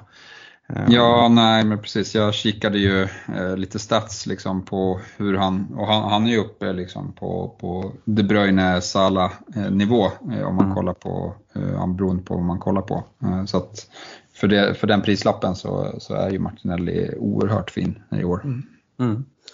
Uh, Pontus Gundlyck undrar om Sa är essential nu fram till Game Week 16 och det, det, skulle jag säga att han inte är. Eh, jag tycker att det finns ett jättebra case att plocka in honom det visar vi ju alla tre har han i reken. Den enda spelare som jag skulle säga är helt essential det är Haaland. Um, mittfältet finns det ju faktiskt eh, en hel del alternativ på. Vägar av vandra. Um, ehm, yes, Sebastian Lilje undrar om det är värt att ta in Trossard. Uh, och säga att han gjorde en del dumma byten tidigt, sitter fast med en del uh, bedrövliga spelare.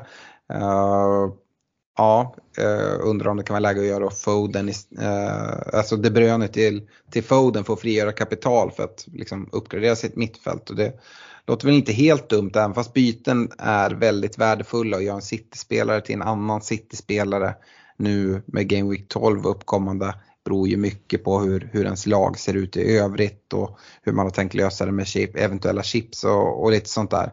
Uh, kan jag väl känna. Men ehm, annars så, jag har rekat Rosar. Det är ingen spelare man måste hoppa på nu men jag tycker det är en fin, fin gubbe. Uh, yes. Ehm, Fredrik Robert Jonsson då, bästa ersättaren för Sala. Kevin De Bruyne, Son eller Foden. Det är ju två City-gubbar här och det är Game Week 12 ändå.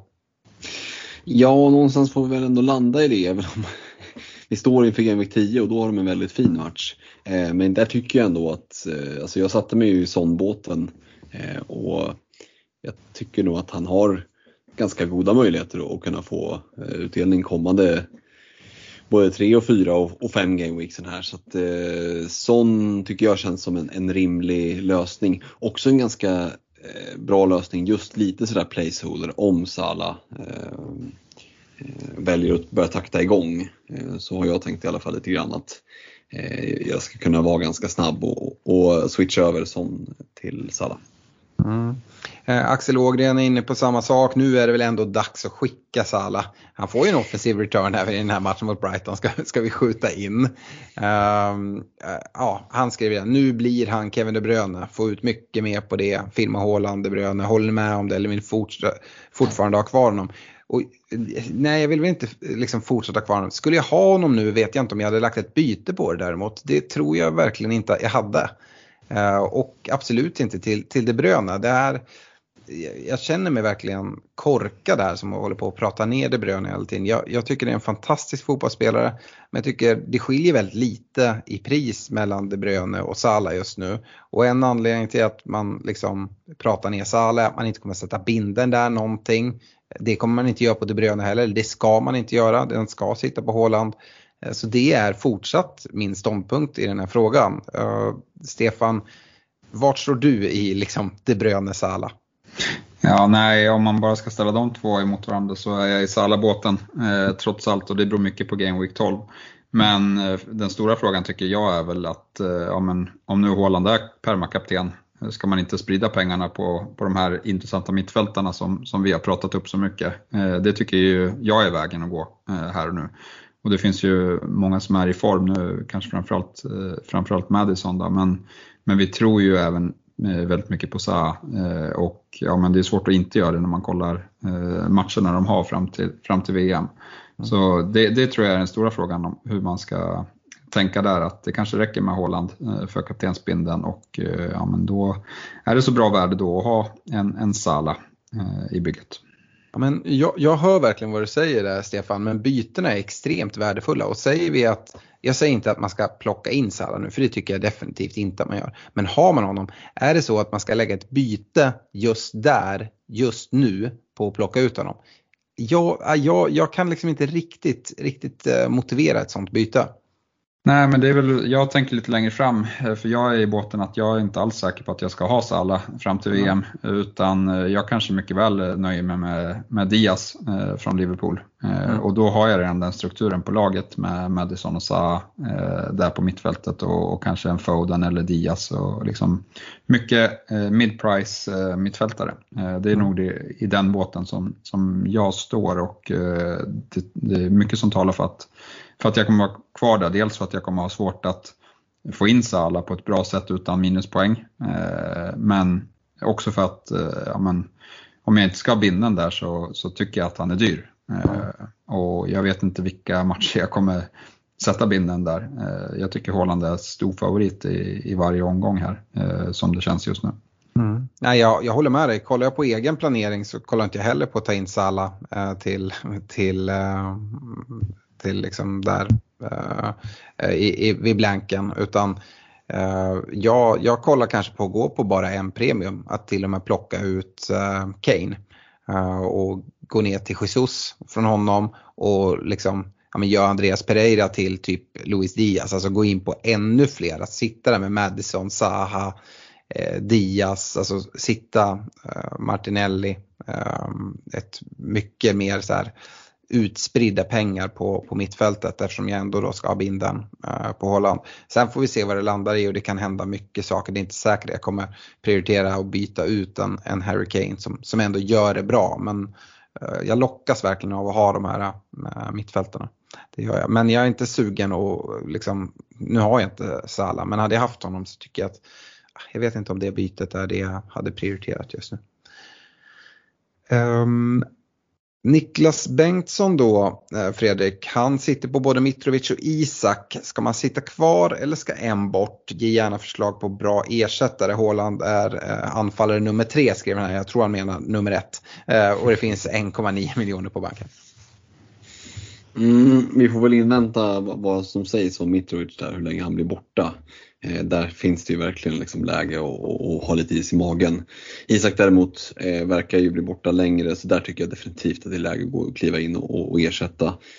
Eh, nästan 2 miljoner på banken, ja då är vi uppe i 8,8 eller vad det landar i eh, som man har att köpa anfallare för. Tycker jag inte man behöver utnyttja hela summan utan eh, antingen så, så väljer man att kliva ner eh, till till exempel en Solanke då för att göra, få loss väldigt mycket cash att kunna uppgradera kanske någon av de billiga mittfältare till någon av de eh, midprice mittfältarna vi har pratat om eller så väljer man att kliva på någon av de här differential midprice anfallarna i ja, Watkins, Skamacka, alla de här pantsen, Wilson eh, för den delen. Eh, så, så det beror lite på hur, hur, vilken struktur man vill, eh, man vill gå till. Så. Mm. Yes. Uh, Stefan Jan Karlström undrar vilka spelare i Chelsea som kommer börja få poäng. Man ska det hela Chelsea ihop är lika många poäng som Haaland har tagit. Uh, ja, Chelsea har ju fint spelschema. Jag, jag säger ju Reece James fortsatt. Ja, nej, men, mig hes. Ja, men jag, håller, jag håller med. Jag tycker det är för oklart uh, just nu i, i Chelsea. Och ja, men som vi brukar se när Eh, Eh, en ny människa kommer in så tar det eh, en stund innan anfallsspelet börjar sitta. Eh, nu har de tagit några krampaktiga segrar här, vilket såklart ger arbetsro, men det har inte klickat igång än. Och ja, men det är lite, lite stökigt lag också kan jag tycka. Det är svårt att liksom placera ut spelare på, eh, på ja, men givna positioner och Potter eh, på det. Så att nej, jag håller mig borta från, från Chelsea. Eh, nöjd med Maurice James och, och sen får vi se jag tycker inte matchen är superbra sen eh, efter tolvan där. Eh, vi får se United då, men, men det är lite, några tuffa matcher på slutet. Så vi, ja, det är inte säkert att Reece James eh, håller hela vägen till VM han heller, men just nu så, så är han kvar. Mm. Eh, vi ska avsluta här med att ni ska få varsin fråga om er respektive klubb. Och eh, Fredrik, vi börjar med dig. Josef Haraldsson skriver här två tuffa matcher för Liverpool nu, men sen ljusnar det i spelschemat. Eh, och eh, är det någon av er som funderar eller planerar på att ta in en Salah, Diaz, Trent billigt? Skriver han snart med tanke på den höga försäljningen. Eh, han sitter då själv, Josef, helt utan vilket känns lite naket och märkligt. Mm, ja, alltså två tuffa matcher för Liverpools del. Använd dem till att scouta eh, hur laget utvecklar sig. Jag tror att när saker och ting är som de är just nu så det kan vara en, en oväntad spelare som, som vi kommer att gå efter när spelschemat ljusnar. Det är inte alls säkert att det är Trent och Salah utan alltså vi har sett en Firmino som har kommit igång eh, som ju aldrig har varit en, en fantasyspelare ever. Eh, men eh, ja, alltså jag utesluter ingenting. Darwin Nunez har ju liksom det började, ju vara ju upp som en sol ner som en pannkaka. Jota är tillbaka.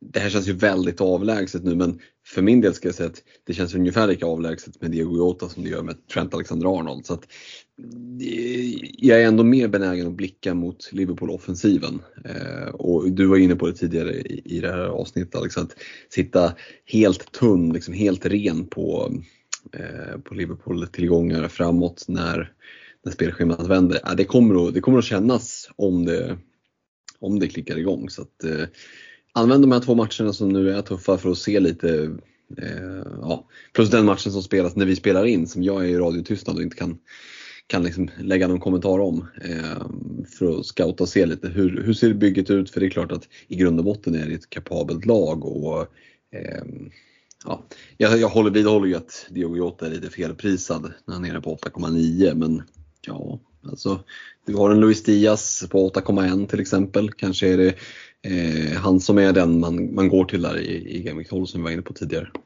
Mm. Skulle jag säga så tror jag att det är dit många kommer välja att gå. Att inte gå säkert. hela vägen upp till en Mohamed Salah utan det kommer vara lättare att hitta en struktur där man får in en ja, men runt 8,0 mittfältare i, i mm. sitt bygge.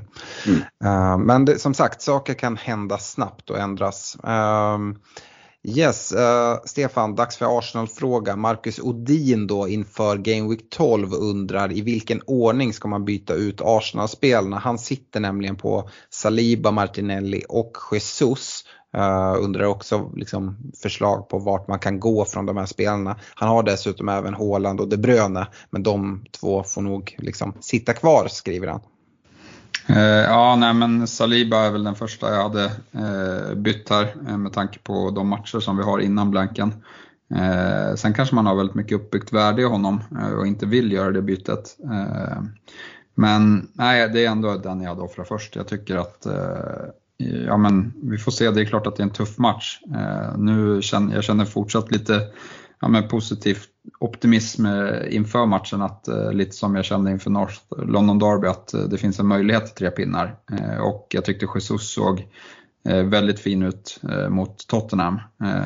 Men han är ändå den som, den som ryker före Martinelli. Så det är väl så jag rankar dem. Mm. Jag ser ju gärna att Jesus tar ett gult kort nu och får sin avstäng, avstängning ur världen innan, Ehm, ja, innan blanken så att han, man inte behöver tänka på det från Game Week 13 och framåt om man vill kliva på det som jag var inne på, gå från, från Kane till Jesus, frigöra pengar så få uppgradera ett mittfält till exempel. Um, så det, det, får man ju också ha ögon på, liksom se uh, om man drar på sig något kort här och, och får sin match avstängning. Uh, ehm. Annars håller jag helt med. Eh, och gällande vilka man byter in, vi har ju kommit med rekar här så att um, där har du ju lite spelare att välja på. Eh, sista frågan tänkte jag svara på själv. Patrik Fagrell eh, undrar, för oss som gått utan Håland, ouch, eh, och ligger långt efter nu. Eh, vilka tre spelare skulle ni gått på istället för Salah, Kane och Håland för att försöka komma ikapp? Och Patrik, jag är ledsen alltså, men jag tror att du bara får komma tillbaka med liksom mussa i hand och bara plocka in den här eh, norsken i lusekofta. Eh, han, eh, alltså Håland behöver vara där. Salah och Kane, nej det måste man absolut inte vara. Jag har sagt det, det Håland är essential. I övrigt så är ingen det. Kane tycker jag i och för sig liksom, gör ett case för sig men eh, här kan man väl gå på något annat. Men kanske liksom leta i de här Eh, Eh, rekarna som vi har på mittfältet. Det, det är ju, man kan ju tro att Madison och eh, Zaha sitter i alla byggen. Det gör de inte. Eh, gå på en Trossard till exempel nämnde jag som en rek. Jag var inne på att dubbla upp Madison och Harvey Barnes pratar jag om. Det kan vara något som man sticker ut med. Eh, Bowen nämnde du Fredrik. Det finns liksom gubbar som, som man kan sticka ut lite på. Eh, så ehm, det kan man väl göra, men det är inte rätt väg att försöka sticka ut utan Håland och heller inte läge att försöka hitta en bindel någon annanstans just nu. Det, jag avråder starkt ifrån det med Patrik. Sen, sen spelar du precis som du vill. Men eh, ja, eh, jag tror att om du fortsätter gå utan Håland så är det ganska stor risk att du sitter på ett Ghost Ship efter jul. Det, det, är min, det är min känsla spontant. Eh, men med det så tackar vi för oss den här veckan. Eh, avsnitt 190 så vi börjar takta upp på 200 avsnitt snart. Det är ju en milstolpe om något. Eh, stort tack för att ni har lyssnat. Återigen stort grattis till Erik Riksson som hänger med till London i mars. Ni som inte vann, se till att boka med er på resan. Det här är något man inte vill missa. Och så önskar vi ett stort lycka till till helgen när Håland gör eh, ett till hattrick och fortsätter eh, spränga alla rekord som, som finns. Eh, tills dess, ha det så bra. Ha det bra. Ha det gott, tja. Mom deserves the best and there's no better place to shop for Mother's Day than Whole Foods Market. They're your destination for unbeatable savings, from premium gifts to show-stopping flowers and irresistible desserts. Start by saving 33% with Prime on all body care and candles. Then get a 15-stem bunch of tulips for just $9.99 each with Prime. Round out Mom's menu with festive rosé, irresistible berry chantilly cake, and more special treats. Come celebrate Mother's Day at Whole Foods Market.